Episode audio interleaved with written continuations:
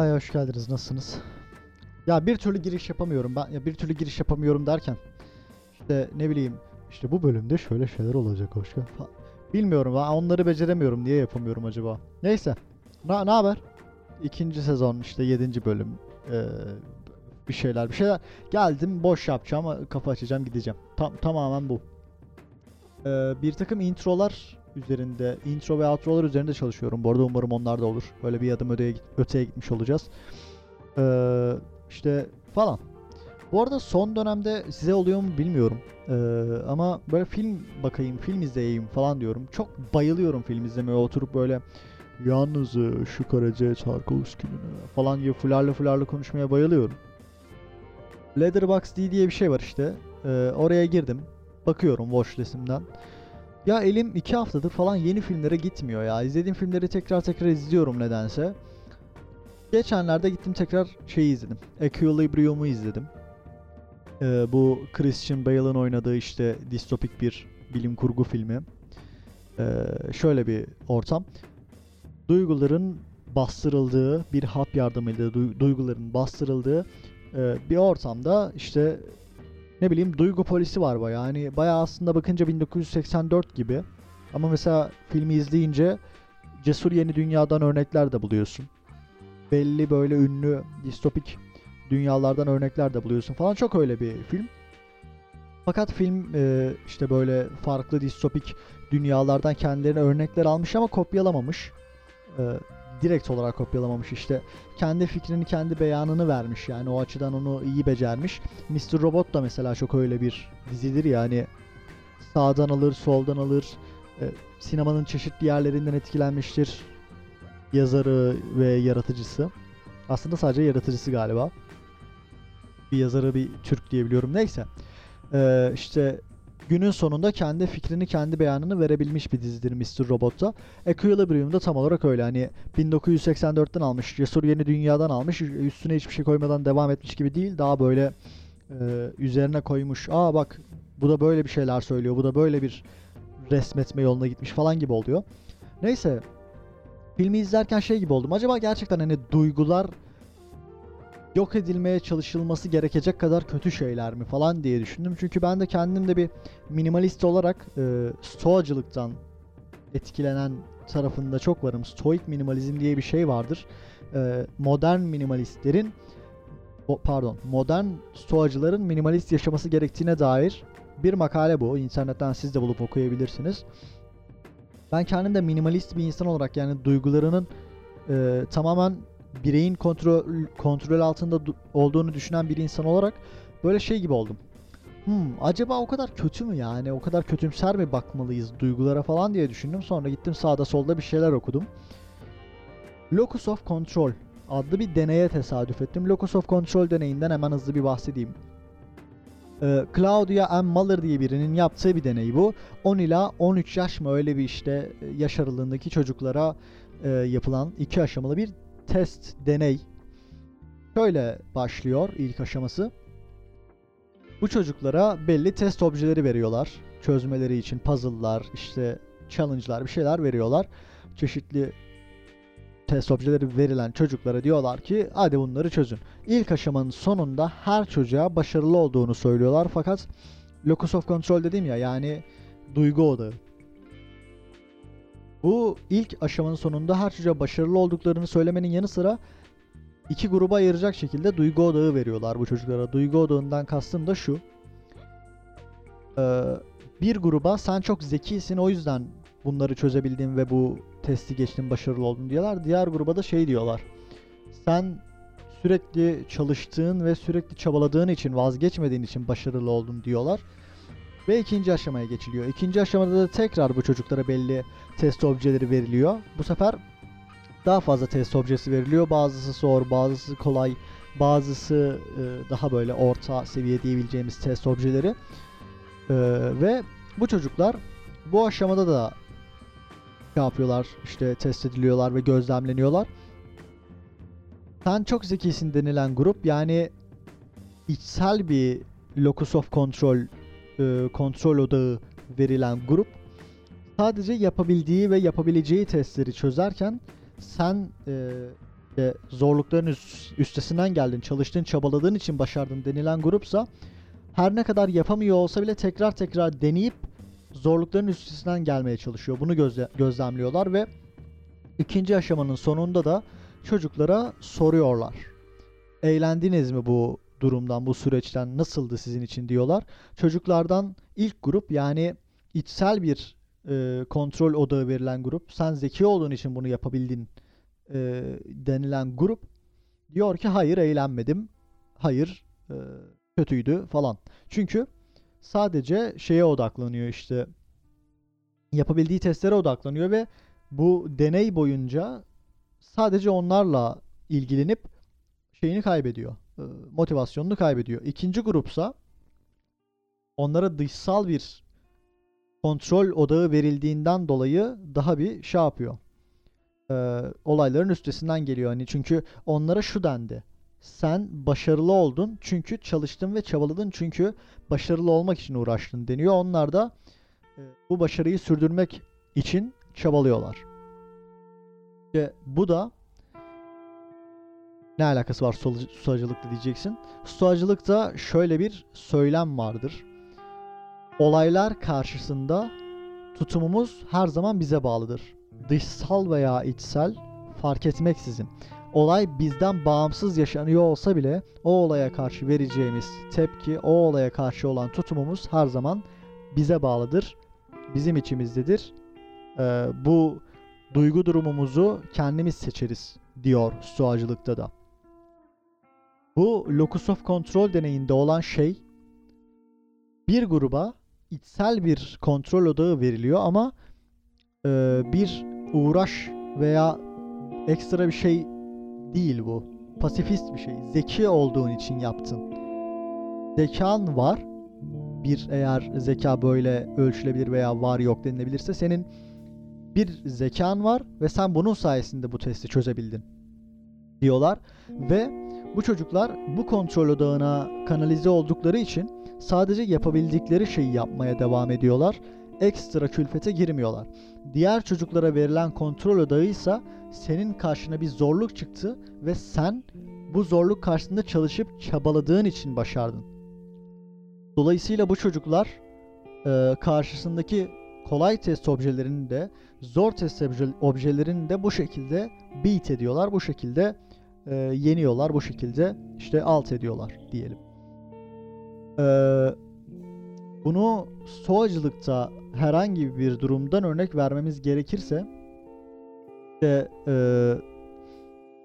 o gün çok kötü bir, o gün bir yere yetişmen gerekiyordu diyelim. Evden çıkman gerekiyordu ve işte şarjının çok az olduğunu fark ettin. Gece yatarken telefonu şarja takmamışsın. Yolda kapanma ihtimali var. Bir moralin bozuldu. Allah kahretsin falan. Sonra çıktın. Telefonunu fazla kullanmamak adına e, saatlere de bakmıyorsun. İşte o bineceğin minibüsün, otobüsün sefer saatlerine kaçırdığını fark ediyorsun oraya gidince. Biraz daha geç kaldın. Olay karşısında iyicene e, sinirlerin gerildi, tadın kaçtı falan. Sonra oraya gidiyorsun. Görüyorsun ki zaten kişi de gelmemiş hala buluşmak istediğin ve hani e, işin ya işimiz var gel diyen kişi gelmemiş. E, o seni bekletiyor, o da senin moralini ekstra bozuyor falan. Bu bütün süreç içerisinde aslında hepsi aa telefonum çalıyor neyse. Aslında hepsi e, bizim kontrolümüz altında şey olarak, e, tutum olarak. Yani bir şeyi kaçırdım diye illa ya otobüs kaçırdım diye illa sinirlenmek durumunda değilim. Ya da telefonumun şarjını gece takmayı unuttum ve her an kapanabilir diye illa aa ne oluyor falan deyip kendi kendime kızmak zorunda değilim. Bu bütün olay, bu bütün süreç karşısında nasıl bir tutum sergileyeceğim her zaman benim elimde. Benim elimde olmayan olaylar gerçekleşmiş olsa bile. Çünkü telefonu şarja takmış olmak benim elimdeydi ve ben beceremedim. Buna sinirlendim. Ee, otobüs otobüsü kaçırmak veya kaçırmamak her zaman benim elimde ola- olabilecek bir şey değil. Ya erken geçmiş olabilir o gün falan. O benim elimde olmayan bir şeydi fakat gittim ona da sinirlendim. Kişi gelmemiş belki onun hayatında da bir takım sıkıntılar oldu. Ona da gittim sinirlendim falan. Ya bu bütün süreçte esasında bütün kontrol benim elimde. Sinirlenmek, sinirlen sinirlenmememek Wow. Sinirlenmek yahut sinirlenme. Wow konuşuyorum. Neyse. Anladınız. O hepsi benim elimde ya. Anladın mı? Aynen. Ben bir su çay may bir şey içeyim ya. Kötü kötü oldu.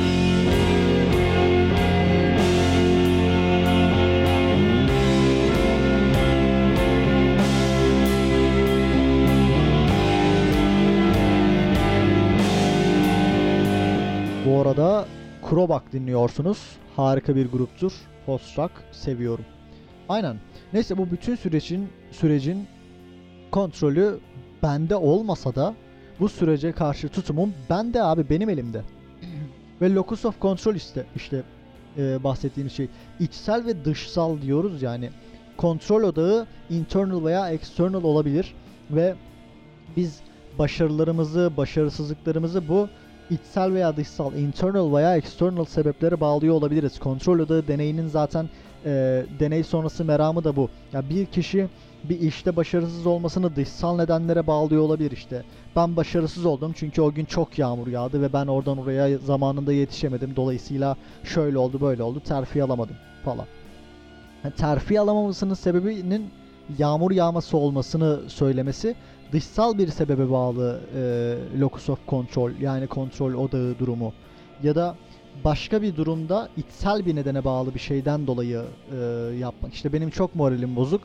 Kend, ya çok üzülüyorum bu aralar böyleyim ve hani böyle olduğundan dolayı e, bir şey oldu işlerinde şöyle böyle falan. Bu da içsel bir sebepten dolayı e, tutum sergilemektir, bahane bulmak veya bir şey yapmaktır. Ama esasında kontrol odağı içsel dışsal ne olursa olsun fark etmeksizin bu olay karşısındaki ya da olaylar karşısındaki tutumumuz her zaman bizim elimizde. Do- ve e, işte bu Equilibrium'da bahsedilen tarafından bakınca duygulara evet duygular o açıdan bakınca biraz kötü olabiliyor ama duygulara kötü demek de aslında biraz e, biraz dışsal biraz da içsel sebeplerin kombinasyonundan kaynaklı bir yorum gibi geliyor bana. Çünkü şöyle bir durum var e, Equilibrium'da. Diyorlar ki işte duyguları neden e, kontrol etmeli veya bastırmalıyız? İşte çünkü duygular oldu da ne, oldu da ne oldu? Savaştık, savaşlar çıkardık, birbirimizi öldürdük, işte birbirimizi kırdık falan diyorlar. E, o açıdan baktığında şöyle bir yorum getirebil- getirilebilir Equilibrium filminin bu meramına. Abi e, bir takım içsel ve dışsal e, locus of control'ün yani kontrol odağı durumlarının kombinasyonu sonucunda ortaya çıkmış bu şey yüzünden sen duygulara böyle bakıyorsun diyebilirsin. Ve bu da aslında e, çok meta bir eleştiri oluyor mesela. Filmin eleştirdiği şeyi çıkıp başka bir gözle bakıp e, ya başka bir gözden kastında locus of control deneyi özelindeki bir gözle bakıp eleştirmek meta bir eleştiri oluyor. Ha filme bunu yapmamak mı gerekir? Hayır işte yapmak gerekir ve stoacı bir gözden de bakabilirsin. Mesela stoacılarda stoacıların amacı da şeydir işte temiz e, parlak bir zihin amaçlarlar hani e, huzurlu bir zihni amaçlarlar bilge bir zihni amaçlarlar ki septiklerin amacı da buydu bu arada neyse yani zaten felsefe ile ilgili olmuş çok fazla akımın ve filozofun amacı esasında biraz buydu yani neyse. Ee, hani temiz bir zihin amaçladıklarından dolayı Stoacılar şöyle der. İşte temiz zihnin karşısındaki en büyük engellerden birisi duygulardır. Çünkü e, günlük hayatımızdan baktığımızda bile bununla alakalı bir örnek bulabiliriz. Bu da şudur. Ya duygularımızın e, muhakeme yeteneğimize ne kadar zarar verdiğini siz de birinci elden denemiş olabilirsiniz. Sinirlendiğiniz zaman karar mekanizmanızın ne kadar etkilendiğini anımsayabilirsiniz yani baktığınızda ve stoacılığa göre de e, işte temiz bir zihnin duru, huzurlu ve bilgi bir zihnin karşısındaki en büyük engel de e, duygular oluyor. Çünkü duygular e, muhakeme yeteneğini etkile, etkileyebiliyor, olaylara bakış açını daraltabiliyor, e, işte kavrama yeteneğini engelleyebiliyor vesaire. Dolayısıyla stoacılığa göre duygularını olabildiğince kontrol etmen ve, ve hatta yeri geldiğinde onları tamamen baskı, bastırman ve baskılaman gerektiği yönünde. Bu açıdan da bakı, bakılabilir ve e, aslında stoacılığın birebir meramı bu olmasa da Equilibrium'da buna benzer bir şey kullanılmış oluyor. Hani e, duygularımızı saldık da ne oldu? Savaş çıktı yerine şey dese ya duygularımızı bıraktık da ne oldu? Bize mutsuzluk ve bize işte e, olaylar karşısında yanlış yorumlar yapmak dışında ne getirdi dese aslında biraz stoist bir yorum yapmış oluyor. Her ne kadar hala çok fazla açıdan sınırlı ve sığ olsa da. Ama yine de filmin e, yani Equilibrium'un yaptığı bu yorumu ve bu eleştiriyi anlayabiliyorum. Sadece aklıma bunları getirdi ve bunları konuşmak istedim. E, böyle. Yani günün sonunda işte içsel ve dışsal durumların, günün sonunda bir takım bahanelerin ya da bir takım olayların e, şeyi karşısında kasveti veya başka bir şeyi karşısında onların karşı nasıl tutum sergileyeceğimiz her zaman bizim elimizde. Fakat insanlık olarak duyguları biraz farklı düşünüyoruz galiba. Onu da birazdan anlatacağım çünkü şu an Krobak dinliyoruz. Çok güzel.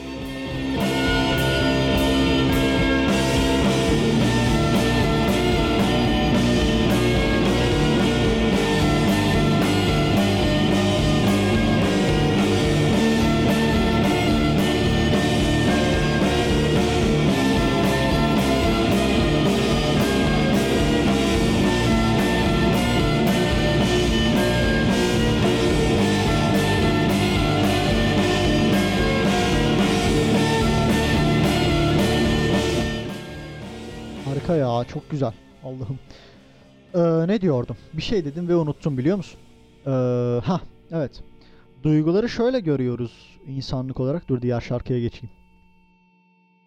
Zaten bitti. Bir buçuk dakikalık bir so- sessizlik var bunun ardından. Ee, bu da çok güzel şarkı.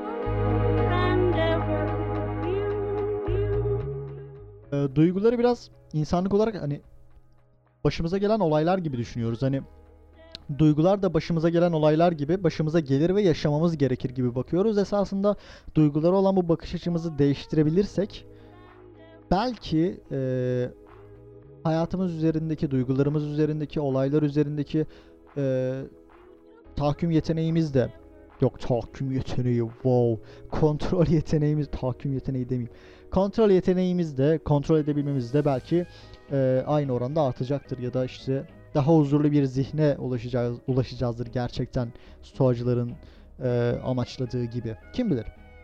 İşte deneyerek biz biliriz esasında. Yani kim bilirin cevabı bu, bu kadar da basit. E, yani duygular illa başımıza gelen olaylar gibi başımıza gelir ve yaşanır gibi bakmak yerine duyguların tamamen bizim seçimlerimiz doğrultusunda yaşandığına e, yönelik de bakabiliriz. Hani birisi seninle dalga geçtiğinde veya birisi seninle alay ettiğinde ona karşı sinirlenmek zorunda veya durumunda değilsin. Ya ha, bu da deniyor deyip geçebilirsin bu arada en sert haliyle.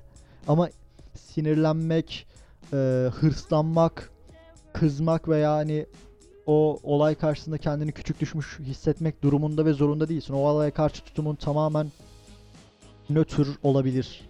Ya bu tamamen bizim elimizde ya. O başımıza gelen hiçbir olaya karşı şu tepkiyi vermeliyiz gibi hani e, optimal bir tepki gelmiyor ya mesela. E, ya bak başına senin şöyle bir olay geldi. He- hemen böyle olay raporunu alıp altında şeyi görmüyorsun. Hmm, Böyle tepki vermelisin. Dolayısıyla tepkileri vermek veya nasıl bir tutum sergileyeceğini seçmek senin elinde. Duygulara biraz da böyle baksak belki hani diyorum ki e, üzerinde duyguların üzerinde güç sahibi vesaire olabiliriz. Ya da en azından hayatımız daha iyi yönde etkilenir. Belki de e, işte tahakküm pardon e, şey yeteneğimiz neden ona ya? Ya kıyas yapma yeteneğimiz aklıma gelmedi kelime Allah kahretsin ya. Kıyas yapma yeteneğimiz vesaire daha öne açık olur. Kim bilir? İşte yine deneyerek biz biliriz.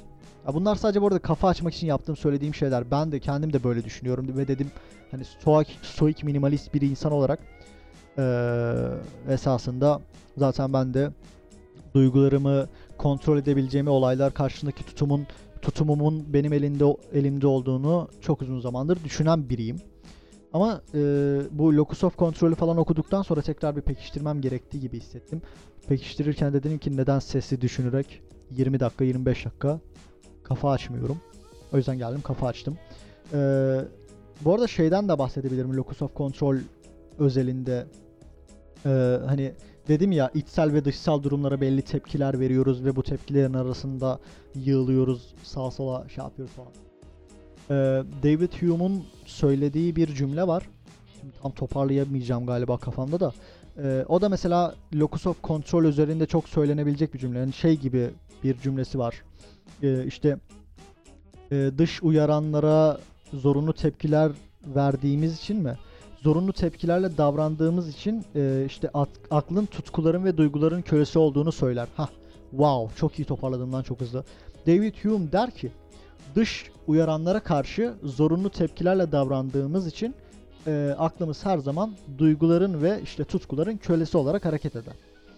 E, locus of control açısından bakıp bu cümleyle e, bir bakış attığımızda işte olaylara karşı yorum getirmemizde içsel ve dışsal sebeplerin e, bir takım zorunlulukları var. Mesela yağmur yağdı kötü, kötü hissettim. İşte ya da şöyle oldu çok iyi hissettim falan hani işte beynimizin bu olaylara zorunlu tepkiler verdiğini de düşünebiliriz ama bu stoacılığa biraz ters olacaktır. Çünkü eğer e, beynimizin ve işte ne bileyim dışsal içsel şeylerin bu olaylar karşısında otomatik tepkiler verdiğini düşünürsek duygularımızı kontrol edemeyeceğimizi dolayısıyla olaylar karşısındaki tutumumuzun da bize bağlı olmayacağını söylememiz gerekir. Eğer David Hume'un bu cümlesini söyleyip bunun tam tersini söyle- söylersek karşısında stoik bir tutum sergilemeye çalışırsak bu tutarsız olacaktır kendi içerisinde. Her ne kadar seviyor olsam da bu e, cümleyi ben stoik bir insan olarak yani en azından öyle kendimi öyle tanımlamasam da çok fazla olay karşısında e, duygularımı ve işte bir takım sorgulama yeteneklerimi kontrol etmeye çalışarak, sakin kalmaya çalışarak e, yaşasam da bu cümle hoşuma gider yani.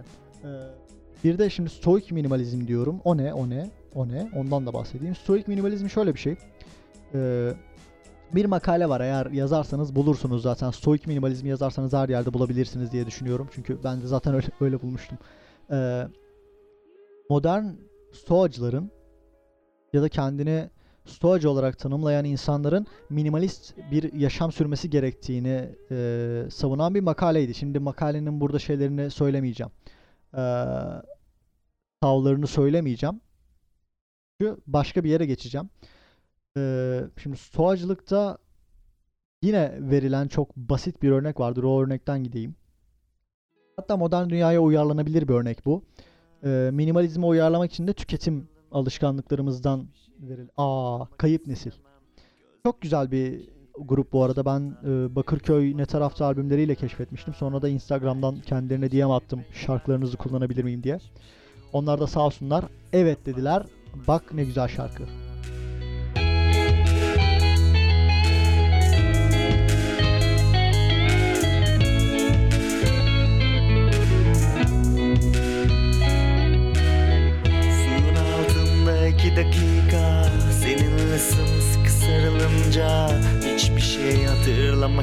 İstemem Gözlerindeki büyü dışında Nefesim azal Ay umarım başarılı olurlar. Çok seviyorum bu grubu çünkü. Ee, bu arada bazen bazı grupları "Ah, kimse keşfetmesin falan diye e, sarılıyorum ve kimseye göstermiyorum. Alçı'ya bunlardan biri ama hadi söylemiş olayım. Bir de Kayıp Nesil vardı ama kayıp ya çok herkes duysun istiyorum bunu. Al, al şeyi, değil. Ee, kayıp Nesili. Çünkü çok güzel işler yapıyorlar ve Bakırköy ne taraftaya bayılıyorum. O albümü de bir ara dinleyin. Neyse, e, tüketim alışkanlıklarımız üzerinden bir örnek verecektim ben bir şey var. Ee, bir bilgisayar çıkmış tamam mı? Öküz gibi de bir wow bu ne? Böyle bir a- resmen canavar. Tamam mı? Bilgisayar çıkmış ve sen bilgisayarda epik oldu. Türkiye'deyiz anasını satayım nereye? Bu anasını satayımları dilimden atmam gerektiğini fark ediyorum ama çok oturuyor lan ağza. Neyse. Ee, ulaşılabilecek bir şeyden örnek vereyim diyorum ama Türkiye'deyiz lan. Neye ulaşabiliyoruz ki? Borç mesela yok pardon. Ben yine tutuklanacağım ya. Ee, bir telefon çıktı.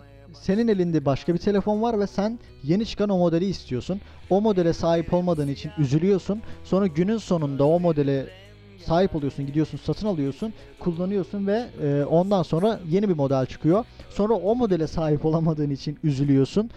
Sonra bir, bir süre sonra ona da sahip oluyorsun. Sonra yenisi çıkıyor falan. Bu kısır döngü böyle böyle devam ediyor.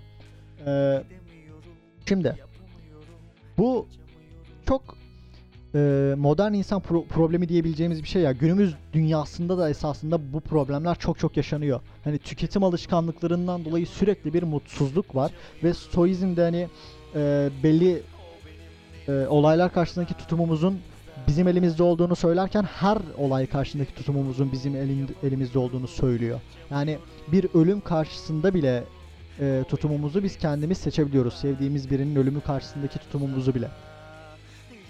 Bu kadar e, yani bu arada e, wow to- toplayamadım cümleyi ya. Çok e, ı falan yaptım. Kendimden kötü kötü oldum şimdi. Biraz ses açayım bari. Sen bana elini uzatmadın da bir türlü bulamıyorum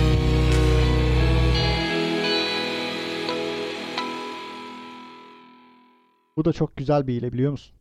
Cümle toparlayamayınca ses açıyorum. Şey diyordum unuttum. Ee, işte bö- böyle bir örnek verilir stoizmde, stoacılıkta da. İşte ee, senin beklentilerin seni ee, sürekli olarak üzmeye devam eder. Dolayısıyla beklentilerini yükseklere koymaktansa tamamen nötr bir ee, alanda konumlandırırsan beklentilerin karşılığı ne olursa olsun her zaman çok okey olacaksın diyor mesela en basitinden. Hani sen bir iş yapıyorsun 10 üzerinden 8 bekliyorum diyorsun 6 alıyorsun diyorsun ki 6 ne ya falan bağırdım ha elde. İşte beklentilerin eğer 0 üzerinde konumlandırırsan 10 üzerinden ne bileyim 6 alsan da yine diyeceksin ki o 6 ha falan. Ee, ta- tabii ki bu arada bu başarılı olmak konusunda değil. Hani kalkıp da işte ee, bir iş yapacağım bir işten kastım bir üretim koyacağım ortaya. Mesela bu podcast 1000 dinlensin ama 900 dinlendi. Allah kahretsin falan gibi değil de e, ne bileyim daha e, cheesy işleri, cheesy beklentileri kalkıp nötr bir alanda e, toplayabilir ve e, onlar karşısında mutsuz olmayı bırakabilirsin. Tüketim alışkanlıklarımız da tam olarak böyle. Sürekli yenisini istiyoruz ve sahip olamadığımızda mutsuz oluyoruz. Stoik minimalizm de işte bu yönden çıkıyor esasında. Hani modern Stoiklerin, modern Stoacıların minimalist olması yönündeki e, manifestolarından en büyüğü bu. E, modern insanın tüketim alışkanlıklarına kapılmaması gerektiği ve dolayısıyla işte e, bu tüketim alışkanlıklarının onu sürekli olarak duygusal e, kontrolünden uzaklaştıracağı ve e, bu kontrolü tam olarak sağlamak için de e, de ona ihtiyacı olandan fazlasıyla yaşamaması gerektiğini falan söylüyor. Ben de buna çok inanarak eee, bir minimalist olmak ya bir minim ya kendimi böyle kalıplara sığdırmaktan nefret ediyorum ya. Ya ama yine de günün sonunda minimalist bir yaşam sürdüğüm söylenebilir. Eee işte buna katılıyordum. Sonra gittim Equilibrium'u tekrar izledim. Locus of Control geldi aklıma falan. Geldim kafa açtım. Günün sonunda insanlık olarak duygulara başımıza gelen şeyler olarak bakmak yerine onların üzerinde söz sahibi olduğumuzu bilerek bak bilerek bakmak tabii bu benim fikrim ve 2000 yıllık stoacıların fikri. O yani artık siz nasıl bakarsınız tabii size kalıyor da. Ee, birçok şeyi çözebilir ya da e, işte locus of control yani e, odak kontrol odağı durumunu aklımızda bulundurup bazı şeylerin içsel veya dışsal olarak fark etmeyerek e, yaşandığını ve bu yaşanan şeyler üzerindeki kontrolün esasında tamamen bizde olduğunu bilerek e, çok fazla şeyin iç- içinden çıkabiliriz. Yani yağmur yağıyordu o yüzden terfi alamadım e, noktasından daha mantıklı bir şey olacaktır en azından. E, argüman olacaktır. Böyle. Geldim kafa açtım. Çok güzel şarkılar dinledik. E ben şimdi gidiyorum ha. E, size umarım bu sefer güzel araştırma kapıları açmışımdır. Bakarsınız falan. Hadi görüşürüz.